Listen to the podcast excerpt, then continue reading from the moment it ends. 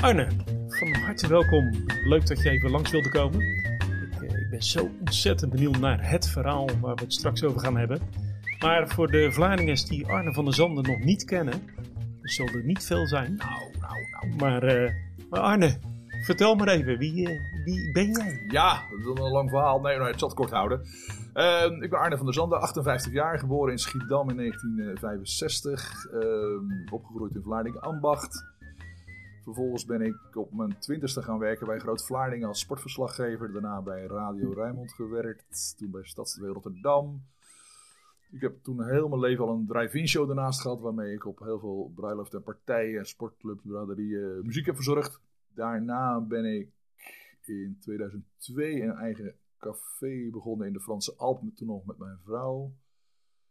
Dat heb ik verkocht in 2011. Toen heb ik van 2014 tot 2018 nog in de gemeenteraad gezeten. Al die tijd een drive-in show erbij gedaan. Ja. Hey Arne, maar eh, ik zag nog wat andere dingen voorbij komen die, die, die, die ik toch ook wel grappig vond. Oh. De fluisterboot. Ja, daar ben ik ook een tijdje vrijwillig geweest hier op de Andante. Ja. Ja, dat was, een- was, een, was een mooie tijd. Wel veel Ja. te lachen. En eh, ja, fluisterboot, maar ook eh, luchtballonnen. Ja, dat heb ik ook nog Wat gedaan. heb je daar nou mee gedaan, joh? Wij hadden in Vlaardingen een b- luchtvaart, een luchtballonbedrijf, zo moet ik het zeggen, van, eh van Gertjan Masselink. En die heeft crew nodig, want hij gaat ook wel omhoog met die, met die mensen en, en de ballon. Maar dan moet ook beneden die wagen waar dat mee aan is gevoerd, moet weer naar de plek waar die gaat landen. En dat weet je nooit, dus we moeten dan met je achteraan eh, hobbelen. En dan moet hij natuurlijk ook weer eh, die spullen, die stimant, die, die, die ballon moet weer in de zak en dan moet weer achter op die wagen. En die mensen die daar in het land zijn geland, de passagiers, die moeten ook weer terug naar de plek waar we zijn begonnen of waar we ze hebben opgepikt. En dat noemen ze dan de grondcrew, oftewel de grondbemanning. En dat, dat heb ik een aantal jaar gedaan. Het, was, het is ontzettend leuk namelijk, want het is elke kant heel spannend. Je weet nooit waar die, waar die gaat. Je weet de windrichting, weet je, dus je weet ongeveer waar die, waar die heen gaat. Maar waar die precies komt en, en hoe de boer is waar je landt, of het land waar je landt, hoe het, hoe het daar is. Of je er makkelijk bij kan komen met de auto. eh. ja, dat was elke avond wel, wel een verrassing. En Het was, die mensen vinden het natuurlijk allemaal geweldig die als ze geland zijn. Dus het is altijd een hele vrolijke stemming. En, eh, ja, het was heel dankbaar werk ook. Eh, Ik kreeg daar eh, een hele kleine vergoeding van. Maar ik mocht elk jaar wel een keer mee. Dus ik heb best vaak eh, in een hete luchtballon gevaren. Ja, en dat is fantastisch. Dus dat kan ik iedereen aanraden. Ja. Want als je de kans hebt om met een hete luchtballon te varen, te doen. Het is namelijk ook helemaal niet eng. Dat is wel grappig. Ik heb zelf enorme hoogtevrees. Dus, ehm, maar als je los bent van de aarde, is, is, is, is het verhaal dat je er geen last van hebt. Ik, ik vlieg heel graag. Helikopters vind ik prachtig. Ik heb geparapand. Nou, het eerste stukje scheet ik peuken. Maar als je eenmaal los bent, dan is dat weg. En dat is, schijnt echt zo te zijn dat, dat, dat, dat heel veel mensen die dan last van hoogtevrees hebben, en als ze los zijn van de aarde, dus met een ballon bijvoorbeeld, heb je er geen last van. Dus Ja. doen, doen. Goed, dat is een eh, goede keuze in ieder geval. En eh, wellicht eh, dat ik het toch eens een keer op ga pakken dan. hey, maar dan nog iets. Ik, ik zag ook nog voorbij komen. Ja, Popfotografie. ja, dat, dat, dat ging Wat heb je daar nou gedaan, joh? Nou ja, in, in 19, oh lang geleden, 485 ben ik eens een keer naar de, dat was toen Veronica's Rock Night in Ahoy. Met, met Spendo Ballet? Ja, Spendo Ballet, TNCC en Pieter Tosh. En toen had ik wel aardige foto's gemaakt. Gewoon een heel simpel cameraatje. Wel een spiegelreflex van een Spendo Ballet. En eh, ja, dat was de best een populaire band bij, bij, bij meisjes. En toen vroegen heel veel van die meisjes, die hadden foto's voor mij gekocht. Ga je ook binnenkort weer? Want ze kwamen, ik dacht, een paar maanden later weer. En dan gooi je met een eigen optreden. Ga je weer? Nou ja, als jullie dan foto's kopen, ja, dat doen we. Zei, nou, dan ga ik ze wel maken. Ja, ik ben al een beetje ondernemend geweest. eh, dus ik dacht, nou, daar zit business in. En toen ben ik eigenlijk heel veel naar concerten gegaan. En uh, maakte ik foto's en dat ging steeds beter. En steeds betere apparatuur, grotere lenzen. En dat heb ik eh, ja, een jaar of vier, vijf heel fanatiek gedaan. En ik heb toen alle grote der aarde wel eh, voor de lens gehad. En ja, ik maakte dat illegaal vanuit het publiek. En op een gegeven moment kom ik erachter op, de nieuwe revue. Die hadden maar eh, het recht om drie nummers vooraan te staan. Dan kon ze goede foto's maken. Daarna moesten ze weg. En ik had dan het hele concert foto's. Dat was voor hun wel interessant, want ze wilden graag uh, toch een beetje exclusieve foto's hebben. Toen ben ik ooit in, want op een gegeven moment ging het echt, het was echt business aan het worden. Toen, toen in 1988 ben ik een keer naar, de, naar Rome gegaan. Ik had gewoon best veel geld om dat te betalen. Heb ik Michael Jackson aan het begin van zijn Europese tournee gefotografeerd. En dan had ik echt prima foto's. En die heb ik bij de revue afgegeven. In de hoop van, joh, plaatsen. En toen zei we gaan zelf met drie fotografen. En dat, dat hebben we niet nodig. Nou, ik breng ze toch lang, dat is goed. Toen stonden er daarvan twee van mij. één op spread heet het dan. Dus een foto over twee pagina's in de nieuwe revue. Nou, toen was mijn naam een klein beetje gevestigd in het, in het wereldje. En toen heb ik een aantal jaren wat, wat foto's gemaakt voor de revue. En, en toen heb ik daar nog, ah, nog meer business mee gemaakt. Het was, was, uh, wat ik dan deed. En dat is een beetje, dat mag ik nu wel vertellen, maar ik maakte dan foto's in Rome. En dat bij de Kuip had hij twee concerten uit mijn hoofd nog. En dan stond ik dan, ehm, de avond als het afgelopen was, stond ik voor de, voor de deur bij Ahoy, of bij de Kuip in dit geval. Dan verkocht ik die foto's, vier foto's voor tien gulden. Nou jongen, dat, dat, dat als zoete broodjes, als zoete broodjes. Dat was, eh, dat was echt wel eh, interessant. Al met al, uh, Arne, hier komt duidelijk naar voren dat jij, dat jij geboren bent voor, voor het ondernemen. En om, om alles op te pakken wat maar voorbij kan komen. En ik denk ook dat het verhaal waar wij het nu over gaan hebben, 2006, ja, 17 jaar geleden, ja, dat, dat kan eigenlijk alleen maar jou overkomen. Want we gaan even terug naar de Tour de France van 2006. Ik zal, ik zal een korte inleiding geven. In 2006 was het net het jaar dat uh, onze Lance Armstrong niet meer meereed. Hij had zeven keer gewonnen daarvoor. Maar zoals iedereen nu wel weet, uh, alleen maar op basis van uh, doping. En al zijn overwinningen waren afgepakt. In 2006 was er een, markt voor nieuwe renners.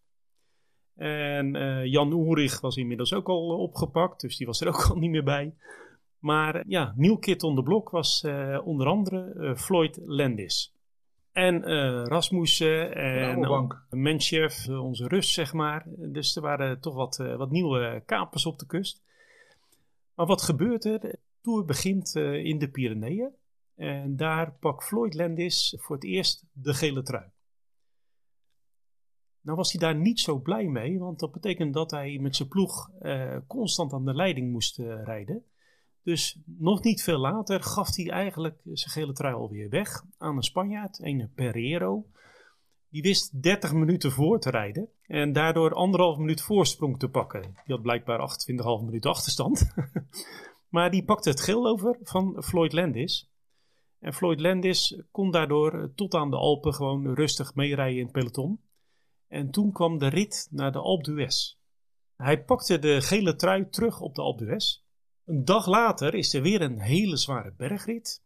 En dan komen we natuurlijk op het verhaal. Daar wordt hij in de laatste slotklim wordt hij op ruim acht minuten gereden van de concurrentie. Floyd Landis is zijn gele trui kwijt, is eigenlijk kansloos. Ik hoor zo graag jouw verhaal daarover. Maar een dag later gaat hij een monsterrit tegemoet. Want hij rijdt weg van alles en iedereen en komt bijna weer terug in de gele trui. Hij komt op plaats 3 te staan en staat ineens weer binnen schootsafstand van de nummer 1, die Pereiro. Uiteindelijk wint Floyd Landis de Tour aan het einde van de rit, omdat hij de laatste tijdrit wist te winnen en daardoor het geld terugpakte. Maar, nu komt het Arne. Ja. We hebben het over die rit waarin hij eigenlijk uh, ja, in de laatste klim, zeg maar, werd hij helemaal finaal eraf gereden. Precies. En s'avonds gebeurde er wat, volgens mij. Ja, nou eigenlijk misschien even een beetje ter inleiding. Uh, ik heb net al verteld dat ik in, in de Franse Alpen een, een kroeg heb gehad, dus in La Plagne. En La Plagne is bekend geworden in 2002 door de overwinning van Michael Bogert. Daar was ik heel blij mee, want dat dorp was wel bekend, maar daardoor nog veel bekender. En uh, ja, sindsdien had ik daar ook appartementen in, in La Plagne. En ik ging dus heel vaak in de zomer ook naar La Plagne, omdat ik daar, ja, ik moest wat administratiedingen doen met de bankdingen en goed. En ik ging meestal even de Tour kijken. Meestal komt u wel in de buurt. En de Tour vind ik echt, vond ik altijd fascinerend leuk. En, en vooral de aankomst of bij het vertrek, of eigenlijk allebei als dat kon. En dat was dus ook deze zomer was ik weer uh, in de buurt. En ja, dat was dan op wel ongeveer twee uur uh, rijden was deze, die etappe waar je het over hebt. Die, die volgens mij zestiende etappe. Die ging naar La Toussuire, dat is bij Le Corbier. En ik dacht, nou, dan ga ik kijken. Dan ga ik zorgen dat ik bij de finish kom. Maar het was wat te lang rijden. Ze hadden de weg omhoog al afgezet. En ja, ik kon niet meer omhoog met mijn auto. Toen heb ik er beneden in het, uh, in het dal heb ik mijn auto geparkeerd. En ja, toen heb ik eigenlijk de renners voorbij zien komen. Onder meer de leider de Rasmus. Ik heb hier ook nog ik heb een fotoboek meegenomen. Dus voor de luisteraars is het lastig, maar dat zal ik wel vertellen. Dan zie ik ook Rasmussen nog ver vooruit liggen. Die wint dan ook die etappe. En later komt uh, Lenders langs in zijn gele trui. Al met ploeggenoten en op achterstand. En uiteindelijk zakt hij die avond zwaar door het ijs heen. Nadat iedereen voorbij was, ben ik met een Amerikaanse video-editor alsnog naar de finish gereden. Want ik wilde toch graag gaan kijken. Want na afloop is het heel leuk om bij al die ploegen te kijken. En die wagens en die jongens, dat is allemaal heel toegankelijk. Zeker toen nog. Dus ik ben met, met die Amerikaan naar boven gereden. Die had me afgezet. Hij, hij moest gaan werken. En ik heb dan een beetje rondgelopen. En ontmoette ik twee jongens. Een daarvan heette, heette Bertje. Kwam uit Brabant. Ook fanatieke wielrengasten. en die hadden wel hun auto boven. En hij zei, dan kan je met ons wel mee naar beneden rijden. En nou, toen zijn we een beetje aan de praat geraakt. En wij een beetje door, door zo'n zo, zo'n skidorp. Dan heb je overal gebouwen en hotels. En ja, al die ploegen zitten dan in die verschillende hotels. Misschien hebben we het wel eens gezien. In zo'n dorp is dat vrij makkelijk, want het is, het is, niet, het is niet zo groot. Kijk, als ze in, het dal zijn, dan zijn ze wel honderd, tientallen kilometer aan elkaar. Maar in dit geval niet bij elkaar. En op een gegeven moment liep hij met z'n drieën een beetje door dat laat toe Swier. En ineens zegt een van die twee gasten: Hé, hey, kijk nou, er zit Lendes op een terras. Ik, oh, ik zou eerlijk zeggen, ik had Lendes niet eens herkend. Zo'n deskundige was ik niet dus.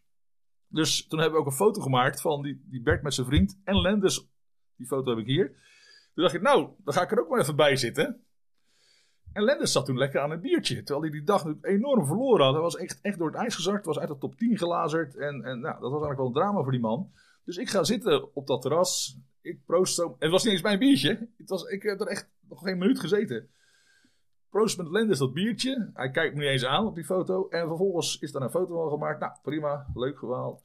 Met die Bertje en, uh, en zijn vriend hebben we nog wat gegeten. Want we konden niet naar beneden, omdat het een enorme file was. Uh, weer, weer omlaag. En dat was in uh, Le Corbier. Een vriend van mij heeft daar heel lang nog een appartement gehad. Zijn ouders. Enfin, uiteindelijk zijn we wel beneden in dat, in dat Jean-Jean de Maurienne gekomen. En dat was de andere ochtend, was daar weer de start. Toen heb ik die nacht in mijn auto geslapen. Ja, op en neer naar La Plagne vond ik net iets te ver. Dat was ruim twee uur rijden. En toen uh, de andere ochtend, nou dan is het bij de start weer, ik heb hier nog een foto dat ze met, met die Pieter, de, de Wening op de foto gaan, met Michael Bogert, uh, die was toen ook actief in de Tour de, op de foto waar ik eindelijk mee op de foto wilde. Dat was in 2002 had hij gewonnen en het was elke keer niet gelukt om met hem op de foto te gaan. En toen eigenlijk, ik heb natuurlijk bij StadsTV gewerkt en bij StadsTV werkten een aantal jongens die zijn later allemaal doorgeschoven naar de naar Sport. En een daarvan is, is Han Kok. Dat lange, krullende haar. En hij werkt nog steeds nu voor Studio Sport elke in de Tour. En Handy was natuurlijk aan het werk. En afgelopen, nou, dan gaan die wielrenners rijden. En toen heb ik met Hans aan praten. Hij zei, Arne, het is, uh, Lenders gaat vandaag aanvallen. Die gaat vandaag uh, vol de vorm. Want hij had net gesproken met uh, Koos Moerenhout. Dat was zijn, zijn ploeggemaat. Lenders gaat van aanvallen. Ik zei, nou leuk, leuk. Ik heb gisteren nog een biertje gedronken met Lenders, zeg ik zo uit een geintje. En dat was natuurlijk echt waar. Ik had ook een foto met een biertje. En dat, nou, dat kon ik ook laten zien op mijn toen al digitale cameraatje. Ah, zegt hij, dan geloof ik. Nou, hier, dan kijk maar. Ik nou, als die wint vandaag, stuur ik hem op. Ja, Han gaat zijn, zijn ding doen. En ik ging terug naar La Plagne en ik kom, uh, nou, was een uur of twee, drie smiddags in La Plagne. En ik zette de, de, televisie aan daar. En die Lenders rijdt op kop met die flessen water. En die ging als, als een, nou ja, echt als een, als een maloot. Maloot, ja, letterlijk, ging hij er vandoor. En toen heeft hij die enorme voorsprong opgebouwd. En uh, uiteindelijk is het, zie ik je nog maar vijf minuten geworden. Maar daar heeft hij zich enorm mee gerevancheerd. En toen had ik, heb ik Han nog proberen te benaderen. Of, of, of Studio Sport. Ik geloof dat ik zelf Studio Sport heb benaderd. Ik heb nog een leuke foto van gisteravond. Dat ik met Lendes, dus die, die avond dat hij dus enorm had verloren. Dat hij gewoon vrolijk met zijn ploegleider een biertje ging drinken. En de andere dag als een speer ging fietsen. Dat was wel, vond ik heel grappig. En ook misschien een beetje als Niels. Ik was journalist ook nog geweest. Ik dacht, nou, daar zit misschien wel Niels in. En vervolgens stuurde Sport, nou stuur maar op. Heb opgestuurd. Toen bleek s'avonds die foto in de uitzending te zitten bij, bij Mart Smeets. Die zegt er ook letterlijk. En een foto van Arne van der Zanden. Ja, dronk hij nog een biertje. Want hij was, het was een heel raar verhaal. De ene dag dik verliezen, de andere dag dik winnen. En goed, zo is die foto dus uh, bij uh, de, de, de avondetappe toen al, denk ik, met, met Mart Smeets. Dat had hij dan live ergens in, in de Alpen, zo'n programma. En dan kwam die foto. En toen, ja, weet ik nog dat ik die avond uh, op een gegeven moment werd gebeld door, de, door, door het Algemeen Dagblad ook die foto hebben. Want ze, dat vonden ze ook wel een mooi verhaal. Toen heeft die foto ook het AD nog gehaald. en voor mij heeft hij uiteindelijk drie keer het AD gehaald. Ik heb er nog wat paar centjes voor gekregen. Dus, ja, en toen, en toen was ik op vakantie. Dat was eigenlijk nog het mooiste van het hele. Toen was ik na een week kwam ik weer op het zomerterras in Vlaarding. Wat toen begonnen was. En iedereen had het over die foto. Want die foto had twee, drie keer in de krant gestaan. Op Studio Sport gehaald. Nou, uh, Arne en Lendes. Ik heb het echt tot op de dag van vandaag hoor ik mensen nog wel over Arne, dat met dat Lendes, dat biertje. En iedereen dacht toen altijd dat het op mijn terras was, voor mijn kroeg. Nou, dat was helemaal niet waar. Ik, het was twee uur rijden, het was in Jean de Morin. Maar dat verhaal, ja, dat heeft een beetje een eigen leven gaan leiden. Maar het is dus gewoon uh, daar geweest. Die twee jongens hebben die foto gemaakt. Ik heb daar nog geen minuut gezeten. Dus dat is nu mijn biertje. Maar die foto is legendarisch geworden. En die, uh, ja, die heeft wel wat, uh, wat losgemaakt toen. Zeker toen de afloop bleek. dat hij doping had gebruikt in Lenders. Trouwens, dat deden ze toen de tijd allemaal. Dus wat dat betreft was het niet zo heel schokkend. Ja, dat is een beetje het... Ja. Nou, het was natuurlijk, misschien even ter aanvulling, het was natuurlijk heel veel toevalligheden. Als ik niet die twee jongens had ontmoet, die hadden Lenders gezien. En ik kom even daar zitten met dat biertje. Nou, dat is allemaal toeval, toeval, toeval. Dan nog het toeval dat ik de andere dag Han Kok tegenkom, die ik dan toevallig weer ken door mijn werk bij, bij StadsTV. Die toevallig vertelt dat Lenders gaat aanvallen. En ik dan zeg, ik heb wel die foto van gisteren. Ja, en dat hij dat ook nog doet. En dat dan die foto op een gegeven moment een, een dingetje wordt. Ja, het is, het is, ik vind het nog steeds een hele grappig verhaal, wat ook wel heel leuk is. En, uh, nou ja, blijkbaar zo leuk dat jij er nu een uh, podcast over maakt, ik. Ja, nou ja, als een, uh, als een Vlaardingen, zeg maar. Een, een wereldster als uh, Floyd Landis en nou, een wereldster, gevallen, gevallen wereldster, wereldster later. dan is dat natuurlijk uh, een heel mooi verhaal. Ja. En, en het is ook natuurlijk wat jij ook aangaf, zeg maar. Floyd Landis werd later natuurlijk gesnapt op gebruik van EPO en testosteron. Dus hij heeft alles gebruikt. sterker nog, ik, ik heb zelfs teruggelezen dat hij 90.000 dollar per jaar besteedde aan EPO en oh, testosteron. Ja? Oh, ja? 90.000 dollar jaar in, jaar uit. Dus, maar hij heeft later nog verklaard dat hij door, door een whiskietje had gedronken. Ja, dat ja, probeerde dat, hij. Dat, dat was natuurlijk een, dat biertje bij Ja. mij, maar dat was Ja. gewoon bier. Dat, Ja. dat, dat Ja. op de foto duidelijk zien dat eh, ik weet niet welk merk, maar het was gewoon een, een pilsje. Ja, maar eh, later zijn er ook eh, e-mailberichten van hem eh, tevoorschijn gekomen bij Oh, de ja? Wall Street Journal. Waarin de e-mailberichten aangaven dat hij inderdaad testosteron en EPO kocht. En dat hij dus 90.000 dollar jaarlijks investeerde in, in dat spul. En ik weet niet of jij het weet, maar ik, ik heb nog even gekeken ook naar Floyd Landis zelf. Wat er met hem nog verder gebeurd is. Een paar maanden nadat hij de gele trui had gewonnen. Eh, en later natuurlijk van zijn voetstuk afviel. eh, zijn schoonvader dacht van, eh, ja, dit wil ik niet meer meemaken. En die schoot zichzelf, schoot zichzelf dood. Dat verhaal heb ik al eens gehoord. Die heeft zelfmoord gepleegd.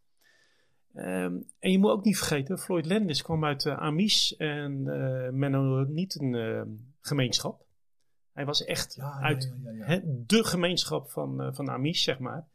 Ja, dat was Dus met, natuurlijk... die, met die zwarte kapjes. dus Ja, op die- ja, ja, dat- op die paardenwagens. eh, Precies, steeds, eh, ja, ja, dat, dat is heel, een- ja. heel bijzonder eh, gemeenschap natuurlijk. En hij mocht ook van zijn vader, mocht hij eigenlijk helemaal niks doen. En wat gebeurde er in zijn jeugdjaren? Toen ging hij s'nachts steeds de deur uit om te fietsen. Hij heeft dus tot aan zijn vijftiende heeft hij gewoon eh, nooit overdag kunnen fietsen. En wat ook wel grappig is nog over Floyd Landis te vertellen, is dat hij eh, twee jaar geleden heeft hij een eigen gravel wielerploeg eh, opgericht. Eh, want in Amerika rijden ze ook eh gravel ja, ja, wedstrijden. ja, ja. Offroad eigenlijk. Offroad, ja, precies. En, maar waarom deed hij dat? Eh, vanwege zijn eigen bedrijf, om daar reclame voor te maken. Want waar handelt hij tegenwoordig in? Legaal in de cannabis. Ja, echt waar. Ja. Echt waar. Floyd Landis is Is eh, de- dealer van de cannabis, Is maar dan wel legaal. Ja. Dus eh, ja, al met al, eh, ja, Arne, eh, een prachtverhaal natuurlijk hoe je tegen zo iemand toevallig aan Ja. kan lopen. En wat je vertelt, eh, de diverse eh, omstandigheden die, die uiteindelijk leiden tot een verhaal wat 17 jaar later in Vlaardingen in ieder geval sowieso nog bekend is. Nou, dat maar, eh, maar ook in meerdere regio's, zeker weten. Ik vond het in ieder geval eh, een heel boeiend verhaal en eh, heel grappig. Hoe jij eh, ooit Floyd Landis eh, hebt kunnen ontmoeten. En met hem een biertje hebt kunnen drinken. Ik wens jou heel veel plezier nog de komende maanden. Want je gaat weer wat nieuwe landen bezoeken. Ja, ja, dat vertelde ik nog niet het hele rijtje wat ik doe. En omdat ik niet meer werk, kan ik overwinteren. En ik, ik ben al een paar jaar doe ik dat. En dit wordt mijn zesde winter. En ik ben daarnaast ook nog landenverzamelaar. Dus ik probeer elk jaar wat nieuwe landen te bezoeken waar ik nog niet ben geweest. En die, eh, ooit hoop ik het hele lijstje met alle 194 landen in de wereld eh, te kunnen bezoeken. Maar of dat gaat lukken, weet ik niet. Het is ook niet per se heilige, heilige graal. Maar dat is wel eh, de aanleiding om af en toe wat, wat bijzondere landen te bezoeken. Welke zijn dat dit jaar? Ik begin eerst met Zuid-Korea, Seoul en dan Seoul. En dan vlieg ik door naar de Filipijnen en dan wil ik eh, wat landen in de, in de Pacific gaan eh, bezoeken, zoals eh, Palau, Kiribati, Fiji, Frans-Polynesië. En dan kan ik nog een paar moeilijke noemen als Micronesië, Marshall-eilanden. Samoa? Ja, Samoa hoort ook bij Frans-Polynesië. Ehm, Tahiti hoort er ook bij. Dat, dat zijn wel allemaal bijzondere bestemmingen. Dus dat, dat wordt het komende winter het plan. Heel mooi. Eh, volgens mij is er nog een Vlaardingen die zoiets, Ja. zoiets doet. Eh, Wim Kerkhoff, de, de beroemde bassist en zanger van, en toetsenist trouwens, van, eh, van Amazing Stroopwafels, die, eh, die is aardig op weg. Die moeten er nog een paar, wil die ze allemaal bezocht hebben. Hij is toevallig in, in mei is hij in Bhutan geweest met zijn zoon.